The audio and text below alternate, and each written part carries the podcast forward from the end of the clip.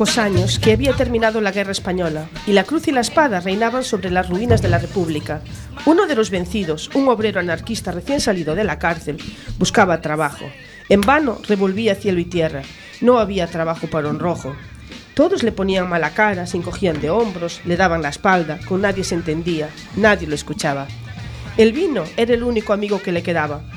Por las noches, ante los platos vacíos, soportaba sin decir nada los reproches de su esposa Beata, mujer de misa diaria, mientras el hijo, un niño pequeño, le recitaba el catecismo. Mucho tiempo después, Josep Verdura, el hijo de aquel obrero maldito, me contó esta historia en Barcelona cuando yo llegué al exilio. Él era un niño desesperado que quería salvar a su padre de la condenación eterna. Pero el muy ateo, el muy tozudo, no entendía razones. Pero papá, le preguntó Josep llorando, pero papá, si Dios no existe, ¿quién hizo el mundo? Y el obrero, cabizbajo, casi en secreto, dijo, tonto, tonto, al mundo lo hicimos nosotros, los albañiles. Eduardo Galeano, El origen del mundo.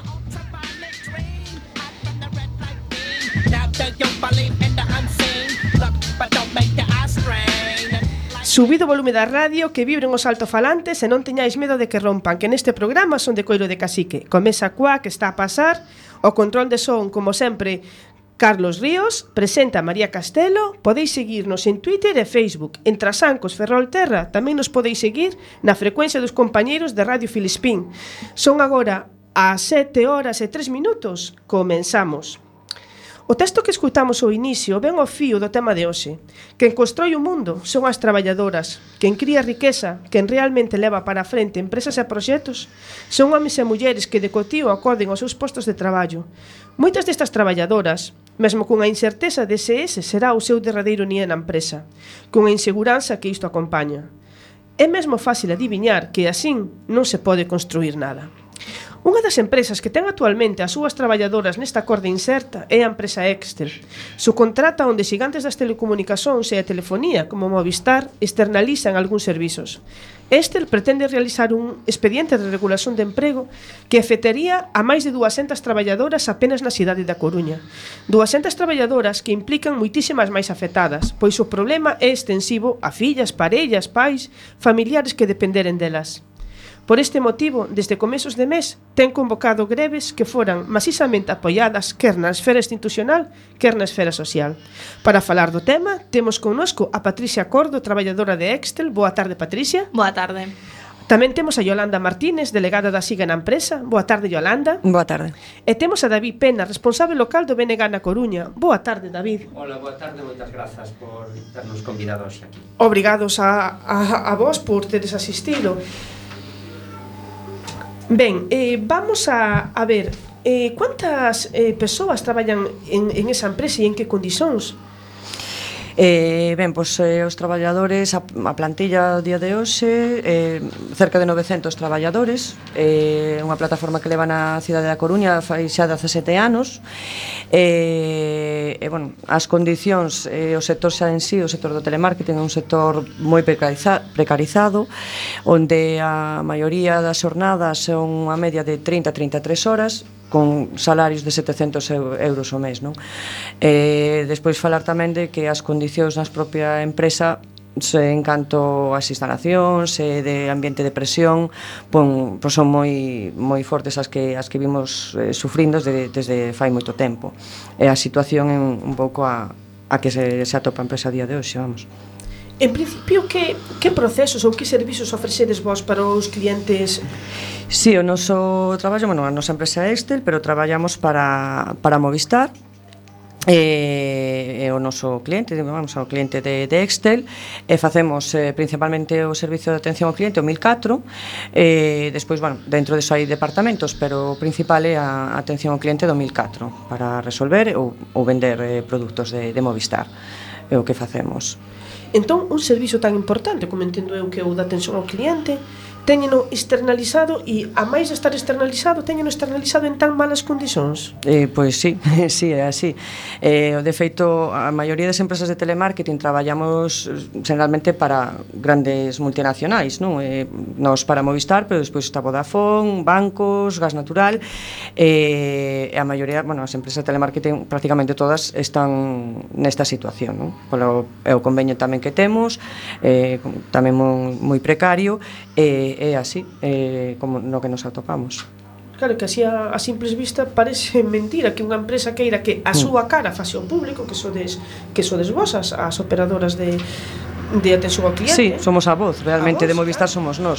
O que pasa que, bueno, Movistar, por exemplo, eh, inicialmente eh, el, el, el, tiñan centros propios, eh, xa fai tempo foron desfacéndose dos centros propios, na Coruña hai un cidade un centro propio, pero cun volume de traballadores eh, mínimo eh, agora mesmo, eh, precisamente para contratar subcontratas eh, como somos nós e outras empresas, atento tamén na Coruña, e que eh, digamos desfacerse un pouco dos empregados propios e, eh, e ter maiores beneficios, é eh, o obxectivo, realmente. Claro, entendemos que en aras dunha maior rentabilidade. Para eles, sí, efectivamente que ao fin debería ir en contra do seu propio tellado, porque Sí, realmente ah. sí, se, se analizando un pouco o vendo xa así é que sí que vai en contra, non? Eh, pero realmente que pensan no seu beneficio e e incrementar os seus beneficios e que vemos que cada ano pois pues, incrementan máis, claro que sí.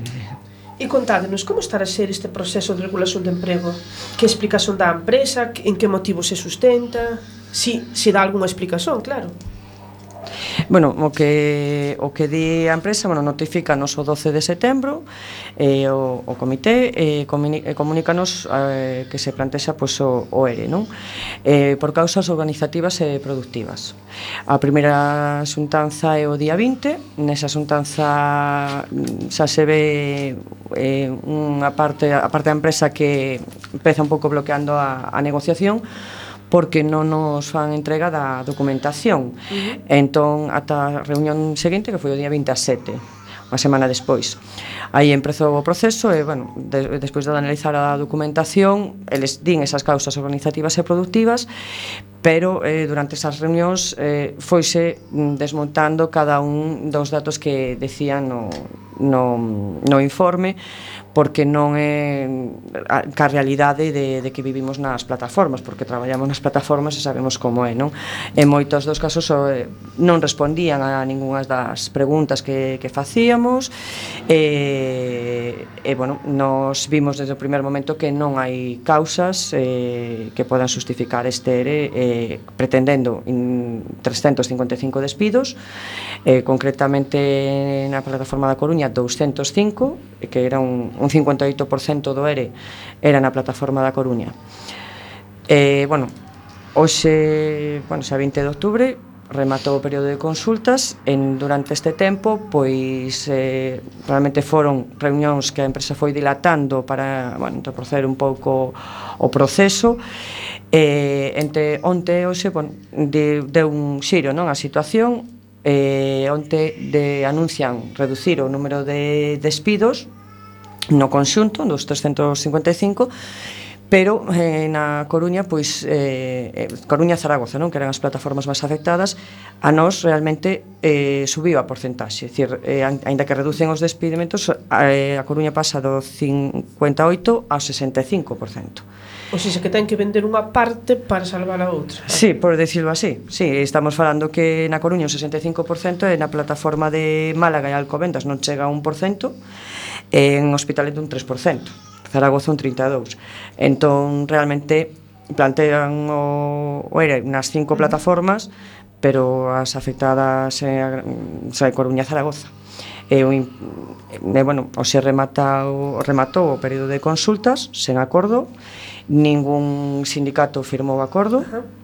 e, bueno, agora mesmo, pois, pues, Non sabemos as intencións da empresa, se van a executar ou non este ERE, e se van a executar en que términos, non, non sabemos. O que sí se pretenden finalmente con esta última proposta, pois un 65% de despedimentos vai ser algo un impacto moi moi importante para a cidade, para a economía da cidade da Coruña, non? Patricia, desde un punto de vista humano, como, como se está a viver a, este proceso dentro dos, dos compañeiros do, da, da empresa? pois obviamente con moita incertidumbre, tensión e ver que a empresa único que pretende é aumentar os seus beneficios, non hai ningún tipo de causa que se justifique mm, o que a empresa pretende, vemos que as chamadas obviamente non desaparecen, os clientes siguen chamando a 1004, a cuestión é a donde van esas chamadas, eh, entendemos e polo que vimos eh, estamos notando que está habendo un aumento de chamadas en Colombia, polo tanto están deslocalizando o servicio novamente con fins económicos. E para nós, pois, obviamente, é o non saber que vai ser de nós o día de mañá, se imos manter o noso emprego, se non, e os que, en caso de que despidan, os que se queden, en que condicións, porque tampouco temos garantías de nada. Entón, ainda, ainda temos marxen para negociación? Para a negociación, non. No. A negociación rematou hoxe e eh, a cuestión é agora ver que fai a empresa, se executa o ERE, se o retira. Estamos ás pensas de, do seguinte paso que dé a empresa e en función de eso, pues, haberá que demandar ou que proceda. Seguiremos movilizándonos, obviamente. Claro, porque se non hai marxen para negociación, sempre pode haber marxe para a presión. Sí, a presión sí que vai continuar, porque Agora mesmo, eh, bueno, entendeuse teñen 15 días para notificar a autoridade laboral o, o que decida, a autoridade e a nós, Uh eh, -huh. e, e despois 15 días se, se hai despedimentos para notificalo ao, aos traballadores entón, según o que nos notifiquen mm, veremos o que facemos pero está claro que se o ERE non se retira a loita vai continuar, as mobilizacións continuarán e, e por suposto pois, poñendo no, no conocimento do, dos juzgados, claro E antes do ERE, Patricia, houve algún tipo de ERE informal, digamos, presóns, establecemento de condicións abusivas no traballo? A ver, nesa situación realmente eh, levamos anos, pois dende 2014, con movilizacións constantes, folgas, porque o ambiente de traballo é nefasto. En todo momento, pois acosos, sancións, algún despido a cuentagotas para asustar ao resto da plantilla Entón, nesa situación sí que levamos pois, algo máis de dous anos. O Eres a gota que, que colma o vaso, pero sí que levábamos nesta situación, e o que dicía antes Yolanda, as instalacións en mal estado, pois, dende cadeiras rotas ata plagas de pulgas. Meu Deus, en esas condicións estamos traballando no, no primeiro mundo. Sí, Exacto. sí non sí. queremos nem, nem pensar como están traballando a donde deslocalizan. Efectivamente. Porque se supostamente deslocalizan mm. en aras dunha maior rendibilidade económica, como estará a traballar a xente mm. de Colombia? Sí. E dende un punto de vista do, do cliente, como se orienta, como se lle presenta ao cliente esa mudanza ou non se lle presenta? Non, é que, a ver, unha campaña de, de Movistar eh, fai 4 anos, penso así, polo 2012 eh, precisamente antes eh, o dos, antes do 2012 eh, estaba moi externalizado o servicio non? Eh, era unha queixa dos clientes por, por as dificultades de entendemento e, e de, polo idioma porque non se entendían e tamén pola resolución porque se nos aquí tam, a nosa formación é mínima e noutros países é prácticamente nula non? Entonces a resolución das consultas ou queixas ou, ou reclamacións pois non, non, non eran resoltas. Entón Movistar lanzou, lanzou eh, unha campaña publicitaria onde vendían que se atendía de, de, de, de España, non? Desde distintas cidades e demais.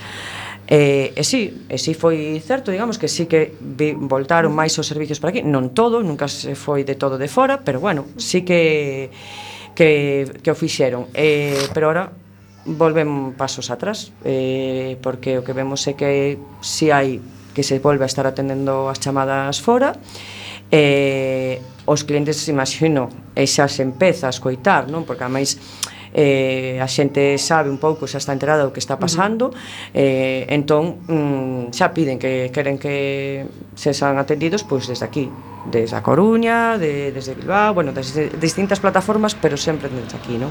E se o reclaman os, os, os clientes. E outra cousa, por exemplo, nós eh, que tamén eh, defendemos é que podan eh, ter eh, aquí en Galicia pois, a atención en galego que, que iso é algo que Movistar se ti queres falar en galego se non es atendido na Coruña mal vas, o sea, non vai ser que non. Eh, ademais, eh, claro o operador que che toque se non fala galego eh, ten a opción de pasar a inglés árabe, francés, catalán e vasco pero galego non. Entón tamén é unha mensaxe que queremos lanzar a todos os galegos que exixan atención en galego, que soliciten no seu contrato as facturas e demais en galego, porque iso garantiza máis postos de traballos aquí, non na, na nosa terra. Claro, eso dentro do punto de vista social. Sí. David, dentro do punto de vista político, sí. eh, que estades a facer vos, que estades a propor eh, para levar para frente as medidas que Yolanda dis? Bueno, desde o, desde o Bloque Nacionalista Galego a situación tanto de Excel como do resto de empresas do sector na nosa cidade non é non é novo, non é algo que, que coñeceramos agora polo ERE, porque tanto con membros do comité de empresa desta, de Excel como de outras empresas nos temos reunido en numerosas ocasións. Xa nos últimos tempos, Primeiro, desde o entendemento, desde o BNG, eh, somos conscientes de que o sector do telemarketing é un sector estratégico na nosa cidade. Eh, decátate de que simplemente esta empresa ten 900 empregos, é a primeira empresa desde un punto de vista cuantitativo na nosa cidade. Entón, eso determina que para nós eh, unha forza que aspira a unha a, a que a, a que vivamos nunha sociedade na que a xente teña dereito ao emprego e un emprego de calidade pois fai que efectivamente teñamos eh, estamos esteamos moi pendentes disto. E, e nesta situación en concreto, pois bueno, desde o Bloque Nacionalista Galego o, o que fixemos o como non podía ser de outro xeito é poñernos a disposición do comité de empresa, tanto desde un punto de vista da nosa propia organización como no, no que poidamos facer dentro das institucións para, eh, primeiro, promover un amplo movimento social que defenda estes postos de traballo na cidade e en segundo lugar eh, porque entendemos que isto debe de ser unha loita que non só debe de levar a cabo o, o propio sector afectado sino que se, ten que ser unha loita na que o sector afectado as traballadoras e os traballadores afectados con risco de perder o seu emprego teñen que sentirse respaldados e apoiados pola cidadanía, polo povo eh, pola, polos, as veciñas e veciños desta cidade e de todo Galiza e tamén polas institucións. Por iso para nós eh, o primeiro que fixemos foi solicitar unha reunión da, da Comisión de Voceiros do Concello da Coruña eh, bueno, para entre todas as organizacións políticas lograr sacar unha, unha moción adiante que efectivamente eh, se sacou unha moción no Concello da Coruña por unanimidade soli, eh, pedindo o mantemento dos postos de traballo e a paralización do ERE. E as outras forzas políticas, aparte desa de Samosón, eh, que apoio tuveste desde elas? Ben, o apoio foi en, en conxunto, efectivamente uh -huh. a, a moción foi a, apoiada de forma unánime, eh, tivemos apoio en canto as movilizacións eh, que fixemos, que, bueno, pois acudiron tamén a elas, non? Eh, tanto a manifestación que fixemos o día 6, eh, de outubro onde foi unha manifestación cun apoio masivo de, da, da cidade da Coruña onde, bueno, pues, alrededor de casi 5.000 persoas salieron a, a, a rúa e estiveron con nós. Tamén no, estiveron na, na concentración que fixemos no, no obelisco e na, e na torre de Hércules. Eh, tamén temos constancia que desde o Concello eh, puxéronse en contacto con Telefónica e con Estel para poder ter eh, unha actuación de mediación e eh, que pudese ver outras vías de solución a esta situación do ERE Pero bueno, hoxe na última xuntanza que tivemos co, no Concello Pois eh, comunicaróns que non, que non tiveron resposta non? Son dúas cartas a que se mandaron o, o eh, tanto a Estel como a Movistar e non houve non houve resposta. Entonces bueno, pues, eh, estamos un, tendo principalmente das institucións pues, un apoio de, de visibilidade e por outro lado tamén con todas as corporacións eh, se falouse de mm, bueno, falamos eh, eh, con Benevar, con Camarea, con PSOE, bueno, eh, de, de levar unha, eh, o tema ao Parlamento. Non? Nos, dentro do comité, dirixímonos eh, a través dunha carta eh, ao Parlamento para que nos recibiran e non tivemos resposta, entón vamos a ver se, se se pode mover por outras vías eh, que, que nos podan eh, recibir eh, no Parlamento tamén no Parlamento Galego. E dende algunha plataforma de consumidores e usuarios eh, petaste de saber se se pode facer unha campaña masiza para que os clientes soliciten atención en galego, por, por exemplo, a tensión xa, xa de momento atención local e depois claro que quen tivera vontade en, en galego en galego. Si, sí, nese sentido temos eh, lanzamos unha campaña coa mesa de normalización lingüística para que os clientes soliciten atención en galego e garantizar así os postos de traballo na Galiza. E ademais eh, a mesa tamén adquiriu o compromiso a parte desta campaña de facelo extensible a todos os concellos de Galiza, pois crear unha moción que poida presentarse e aprobarse en todos os concellos. E está, está en marcha? Está mm, en que. O tema da moción, de momento, sí. pois estamos aínda tecendo esa, esa moción E a campaña para atención en galego sí, de feito xa se lanzou a semana pasada con certos horarios para ser trending topic e demais e facer unhas horas concretas de chamadas ao 1004 exixindo atención en galego mm, con bastante éxito, creemos que está funcionando bastante. Pero bueno, pois pues, alguén se quer informar e non sabe, eh, en que lugar se, eh, a donde poden acudir para informarse desa campaña, algún cliente que non soubera aínda, tendes a algunha plataforma digital creada ou simplemente con, con entrar na, na páxina da mesa Sí, na, na páxina da mesa. No Facebook ou no Twitter de, de cada unha das seccións do de membros do comité de empresa ou no Facebook, Twitter da mesa ou a páxina web da mesa. Perfeito. E dentro da propia empresa, como decidiste desiniciar as mobilizacións? Eh, bueno, aí mm, eh, Ben, inicialmente xa había eh, convocadas eh, uns paros que en inicio eran polo, polo convenio porque tamén é outro conflito que temos aí porque levamos case dous anos ca negociación do convenio eh, paralizada e tiñamos convocadas uns paros e eh, unha folga eh, polo tema do convenio non? Eh, como isto surdiu a par pois eh, esas eh, movilizacións eh, pois a, eh, tamén foron eh, indicadas hacia o ERE. Eh, despois, vendo como iba a negociación na mesa en, en Madrid, pois xa decidimos convocar dúas folgas eh, máis cos actos que nomeaba antes da, na Torre de Hércules e, eh, sí. bueno, a, a manifestación que, que fixemos na rúa e, e no obelisco Tamén hai que decir que, que estamos o comité en xeral, eh, non, pois nos estamos moi agradecidos ao apoio dos compañeiros, dos traballadores porque houve moita unión con moitas iniciativas propias do, dos traballadores de de, bueno, pois por Twitter, por sobre todo por redes sociais, isto fixo tamén que se fora coñecendo a a situación. Entón foi un pouco entre comité, os traballadores foron surdindo vos as, as cousas. Porque ese é outro problema, verdade? Eh, Yolanda, ti como sindicalista sabes que normalmente nas empresas chegados a este ponto mm, non é raro que esa máxima se xa sálvese quen puider, que dixer, a ver se a ver se me safo eu. Sí, é certo, que pasa que tamén eh dende que empezou o conflito, pois eh bueno, foise informando de todo o que o que se iba sabendo, non? E trasladando sempre eh que o importante era a unión. Eh os traballadores e traballadoras pois eh, dende un principio, ben, home, non vou negar que sempre hai algún comentario ou algo pois que a xente pensa ou expón o seu caso particular, porque a verdade é que hai moitas situacións e cada un sabe o que ten na súa casa, pero ao final, aínda que, bueno, preocupados polo seu, pero ao final de, quedou demostrado que, que a unión pois eh, foi foi o resultado de, bueno, da que a día de hoxe pois non se firmara e que todos estuveramos pois na mesma liña, non, de, de loita.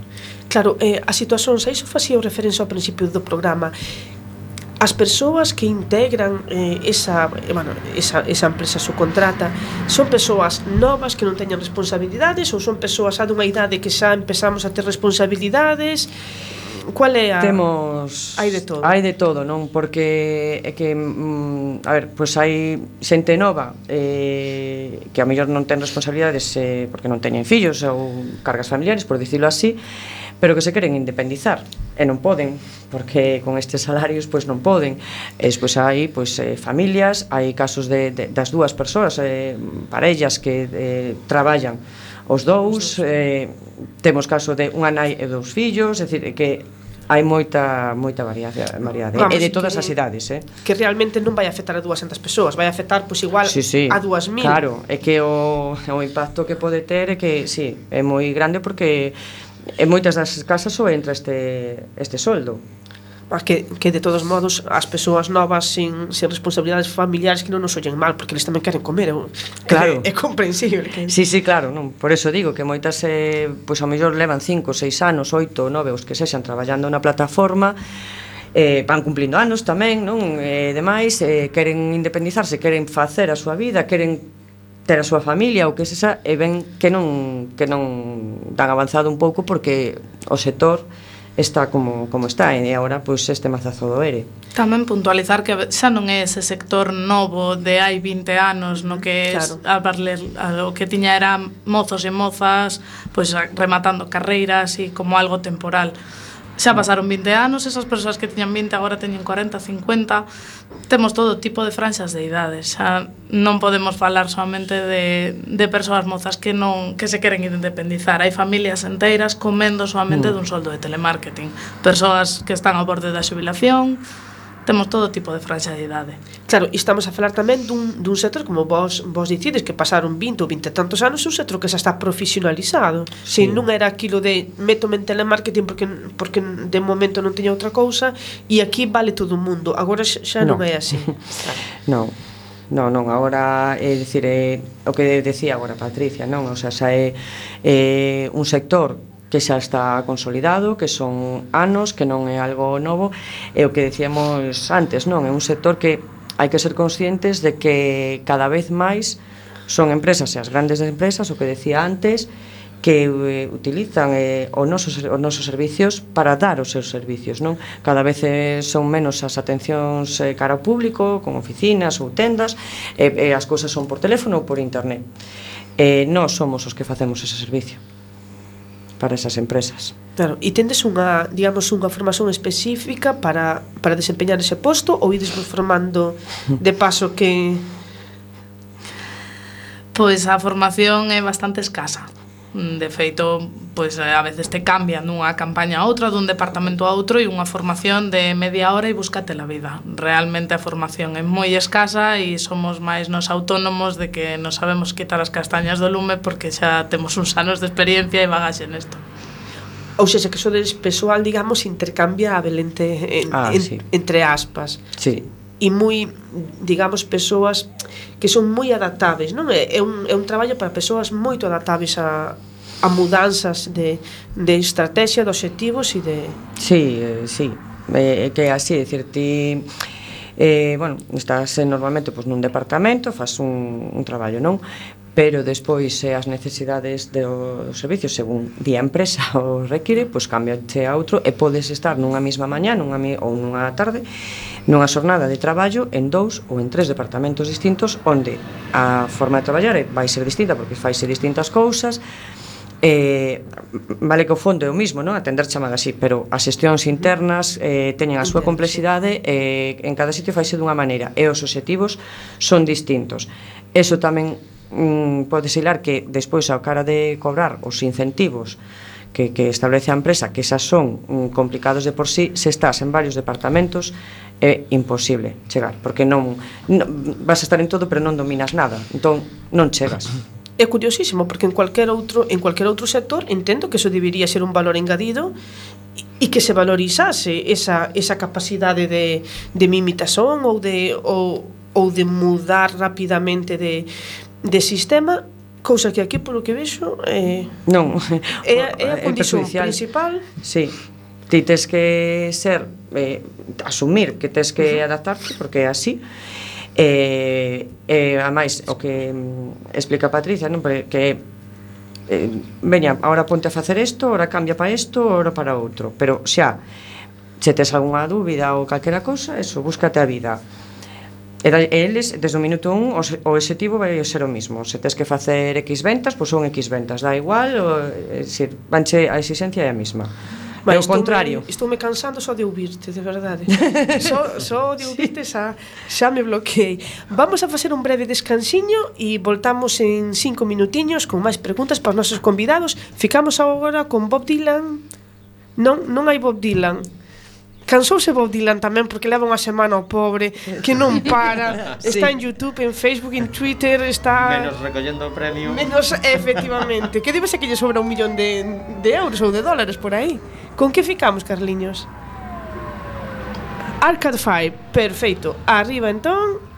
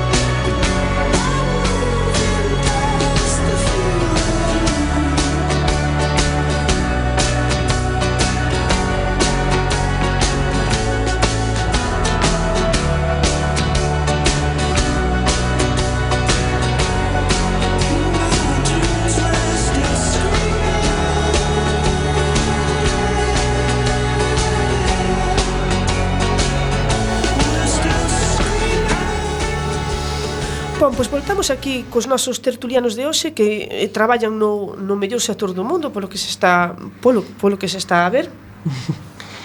Mm, David, eh, estaban as nosas com compañeras falando do, das maravillosas con condicións de traballo que teñen dende, dende o bloque nacionalista xa a un nivel máis máis grande, xa a nivel nacional sí. que propostas tendes vos para paliar estos, estas, eh, diga, digamos, negatividades? Bueno, Imos ver, claro, eh, neste caso, eh, estando ante, ante esta situación de ERE, de un despedimento de 205 persoas, se si faz unha lectura política, o primeiro que hai que plantexar é que hai detrás disto? E o que hai detrás disto é un proceso clarísimo de deslocalización. Ao final a deslocalización é o que está provocando isto. Si, como ben dixeron elas, o ERE foi motivado fíxate, estando en época de crise como estamos, estamos moi afeitos a que as empresas despidan precisamente por causas económicas. Uh -huh. Pero si nos decatamos, como ben explicaron as compañeiras Yolanda e Patricia, neste caso Excel non pode despedir por causas económicas, porque Excel ten beneficios. En Excel fanse horas extras. En Excel non é precisamente o paradigma dunha empresa que está en crise. Entón despide por causas organizativas e productivas. E cales son as causas productivas? As causas productivas son que o servicio de Telefónica, que é outra empresa eh, pois que ten beneficios multimillonarios, unha multinacional que ten beneficios multimillonarios, decide dándolle un botón dándolle un botón, porque o proceso é así de sinxelo que me sí. corrixan as compañeiras e non é así, dándolle un botón deciden que as chamadas que se estaban vehiculizando e atendendo desde a cidade da Coruña agora van xa atender desde Barranquilla en Colombia ou en calquer outro lugar. Ese Ese o, ese é a circunstancia eh, primeira que desde o BNG denunciamos. O culpable desta, deste ERE é un proceso de deslocalización onde non a deslocalización non se produce porque a empresa se vexa abocada a iso eh, por unha situación de mercado ou económica, sino que é unha decisión voluntaria e unilateralmente adoptada pola contrata por telefónica. Ben, eso é denunciable. Como se pode paliar eh, eh, a situación na que se atopan as traballadoras e os traballadores de Excel? En primeiro lugar, e como ben eh, elas comentaron, en Euskal Herria e en Cataluña se dá unha circunstancia. Son territorios que, igual que Galiza, teñen linguas propias. Neses dous lugares eh, exíxese que a atención ou dáselle prioridade a que a atención sexa nas linguas propias dos países. Nos entendemos que esa é un, ese é un elemento de especialización productiva que podería blindar os postos de traballo. Si, eh, si se exixise que a atención fose efectivamente en lingua galega sería un elemento eh, que sería imposible deslocalizar porque hai esa especialización que só aquí se produce. Eh, primeiro elemento que para nós é moi importante, por iso tamén desde o Bloque Nacionalista Galego apoiamos en todo eh, en todo o que podemos e poidamos no futuro esa reivindicación de solicitar a Movistar a atención en lingua galega eh, no noso país. E en segundo lugar, outro dos elementos que merece baixo o noso punto de vista unha, unha lectura política. Por que se produce o ERE? Se produce o ERE porque houve unha reforma laboral no ano 2012 inicia, o, sea, e, o, o melón do último proceso de reformas o certo é que o abriu o goberno do PSOE de José Luis Rodríguez Zapatero pero bueno, a, a reforma digamos máis agresiva, máis maciza fixo a, o Partido Popular en febreiro de 2012 entre os elementos de reforma que se introduce está en que ante despidos colectivos eh, como este non sexa necesaria a autorización da autoridade, eh, da autoridade laboral.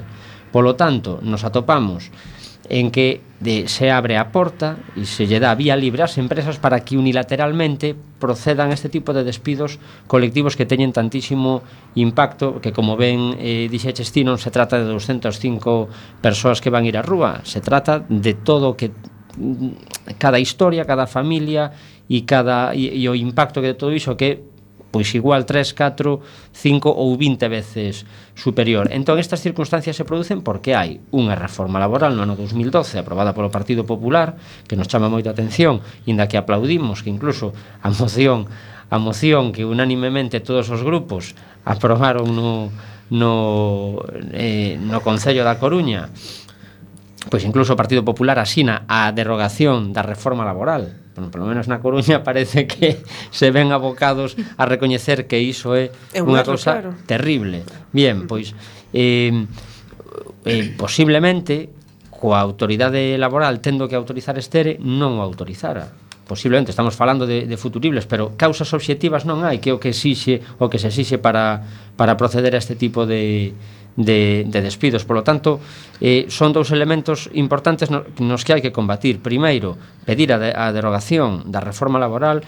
O BNG no Parlamento Español, no seu momento, xa no ano 2012, a, a pediu, e nese sentido, eh, pois eh, o compromiso do, do BNG está aí, en, en, de, en derogar a reforma laboral por unha banda e por outra banda, establecer as medidas legislativas que se sean necesarias para que se blinden este tipo de postos de traballo, este tipo de sector en Galiza coa especialidade eh, eh, que supón o tema de poder ofrecer un posto, o sea, ofrecer un servicio na lingua do país. Claro, porque serían eh, digamos que serían múltiplos os, os beneficios. Por unha parte, como dís, eh, para as persoas que na Galicia teñan a sensibilidade lingüística, que non van a ser todas, mas que en, que en a tiver, que puider ver satisfeito ese dereito que vamos lembrar que é un dereito que non é un capricho nin, nin cousas raras mm. teríamos ademais un, unha tensión moito mellor porque por por boa que fora a atención que nos pode prover unha rapaza de Colombia ou de Bolivia, dificilmente vai coñecer a xa a distribución xeográfica do país. Claro. Que vai en detrimento do, do cliente por dúas vías. E por outro lado, eh, dende un punto de vista político, que capacidade hai para presionar, digamos, a unha empresa como, como Excel para que aínda que for que o seu cliente principal telefónica eh, quixera quixera deslocalizar que, que capacidade hai para presionar xa o cliente principal, a multinacional? Sí, esa, esa, é outra, esa é outra clave desde un punto de vista político, porque neste caso eh, eu creo que non se trata tanto de presionar a empresa que executa os despedimentos como de presionar a gran multinacional que está detrás, que a que quere aumentar a marxe de beneficios e eu creo que aí eh, en primeiro lugar creo que destas institucións se pode facer un papel moi relevante, se se quixera, se non houbera, por exemplo, portas giratorias e este tipo de cousas, se podría facer un papel moi relevante para desvendar e para quitarlle a, a carauta a este tipo de a este tipo de, de empresas que teñen este tipo de prácticas de dumping social aquí e alá, porque como ben dixeches, si van alá non é precisamente para mellorar as condicións retributivas e sociais eh, de aquí, entón, senón é para empeoralas. Polo tanto, un elemento fundamental de sensibilización tamén por parte das institucións e de tamén dicirlle a, as empresas, eh, a estas grandes empresas, que as galegas e os galegos queremos postos de traballo, queremos que se invista aquí, queremos traballar aquí, pero non queremos traballar a calquera prezo. E desde as institucións impoñer condicións as empresas que queren traballar aquí para que respeten eh, as condicións labor, unhas condicións laborais dignas. Aquí non se pode traballar polo prato do, do caldo. E iso tamén hai que dicirllo ás grandes empresas e que eh, se acaba o, o negocio e se acaba o nicho de negocio aquí se non se respetan determinadas condicións. Eu creo que esa é unha, unha baza que as institucións deberían de xogar porque as institucións eh, teñen tamén a súa, a súa forza. Claro, porque estou a pensar que, que claro, a parte de nós como, como responsabilidade social que temos os consumidores que podemos exixir, que decir, eu podo porlle un podo porlle, digamos, un ultimato a telefónica, a Vodafone, a, a R, a, a quen for, e dizer, se si tú non me atendes en galego, eu me dou de baixa, por min non vai a pasar nada, mas se un millón de persoas en todo o país dicen, eu doume de baixa de Orange, de Amena, de de tal eh, evidentemente sería moito distinto. Claro. Se se unha institución política dis en lugar de facilitarche as cousas vamos a vamos a porche trabas pa, para que leves a este centro pa, para fora. Evidentemente, iso sería fundamental. Para desde o noso punto de vista sería fundamental. E despois outro outro elemento que xa temos eh, solicitado en innumerables ocasións e está dentro do do noso eh, programa de actuación a nivel a nivel social e a nivel laboral é a transferencia das inspeccións de traballo, a transferencia das competencias en materia de, de inspección de traballo para xestionala desde aquí e tamén eh, pois eh, intentar poñer freo a este tipo de prácticas das, das empresas.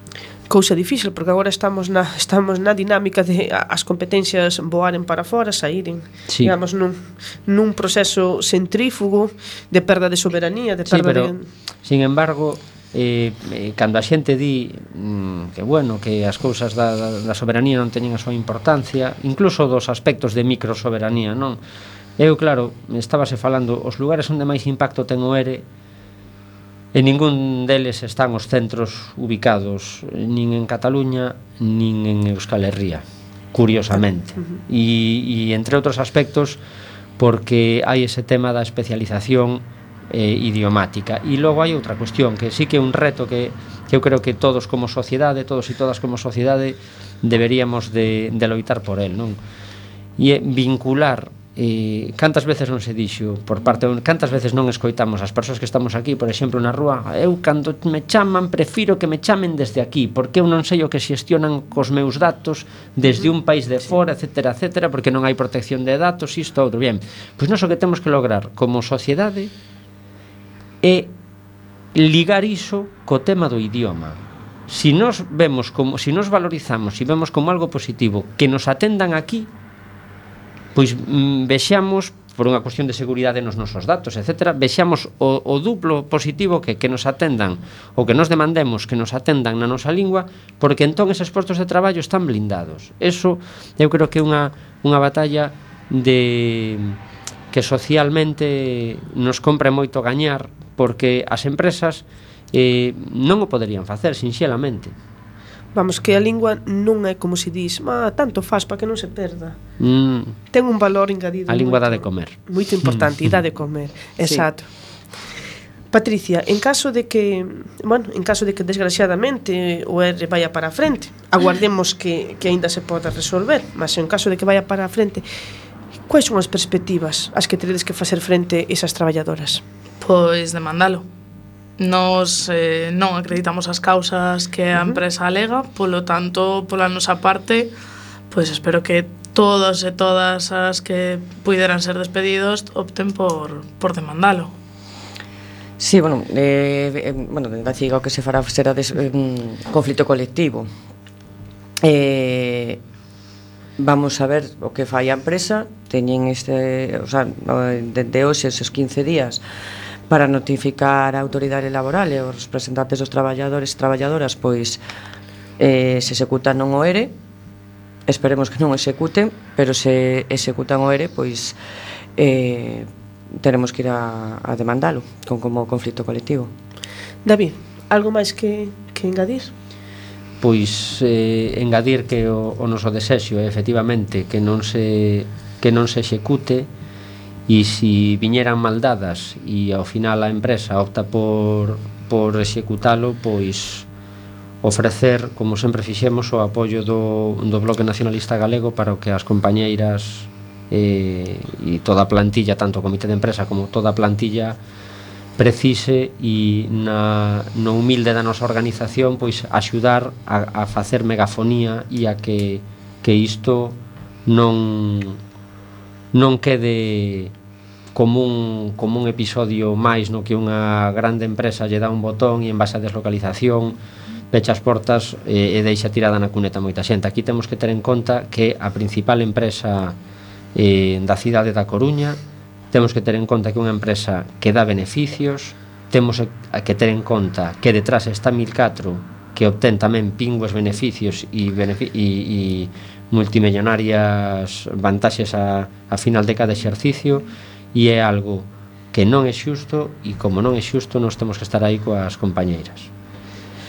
E a todos os que están escoitando, os consumidores, saiban que estamos a recibir un servizo que non é o que se o que se correspondería ao preso que están a vender a telefonía, porque estamos a falar de servizos que non son precisamente de grasa e que precisamente non son baratos, nen telefonía, nen, nen internet, nen, nen ningún servizo de, de telecomunicación, pois poñámonos do lado que corresponde e aprendamos a exixir a atención que merecemos e a tensión que queremos. Pois este é o, o conflito de Estel contado polos propios protagonistas, obrigadísimas Patricia, Yolanda e David por a vos. A vos. Por, a vos, por esta tarde subir e contarnos todo o que está a pasar. Espero, oxalá, oxalá, oxalá que en 15 días ou un mes podamos tervos e contar unha boa noticia que o ERE non foi para a frente e que oxalá. estades aí na luita por mellorar as condicións de todas as traballadoras que están aí cada día para resolvernos as nosas dúbidas e os nosos problemas problemas. Que ao final somos con quen pagamos as nosas, os nosos malos días e as nosas frustracións porque o teléfono non vai e teño que ligar para fulano e non me vai e, e, e de paso pois descargo ca telefonista de sí. de turno. Obrigadísimas de verdade por estar detrás dos teléfonos cada día as 24 horas do día. Coac está a pasar volven 15 días con Silvia Pinal, non desconectéis de Coac. Ademais, teremos o estreno da nosa nova sección Diario de Guerra con Esón Alén Miño.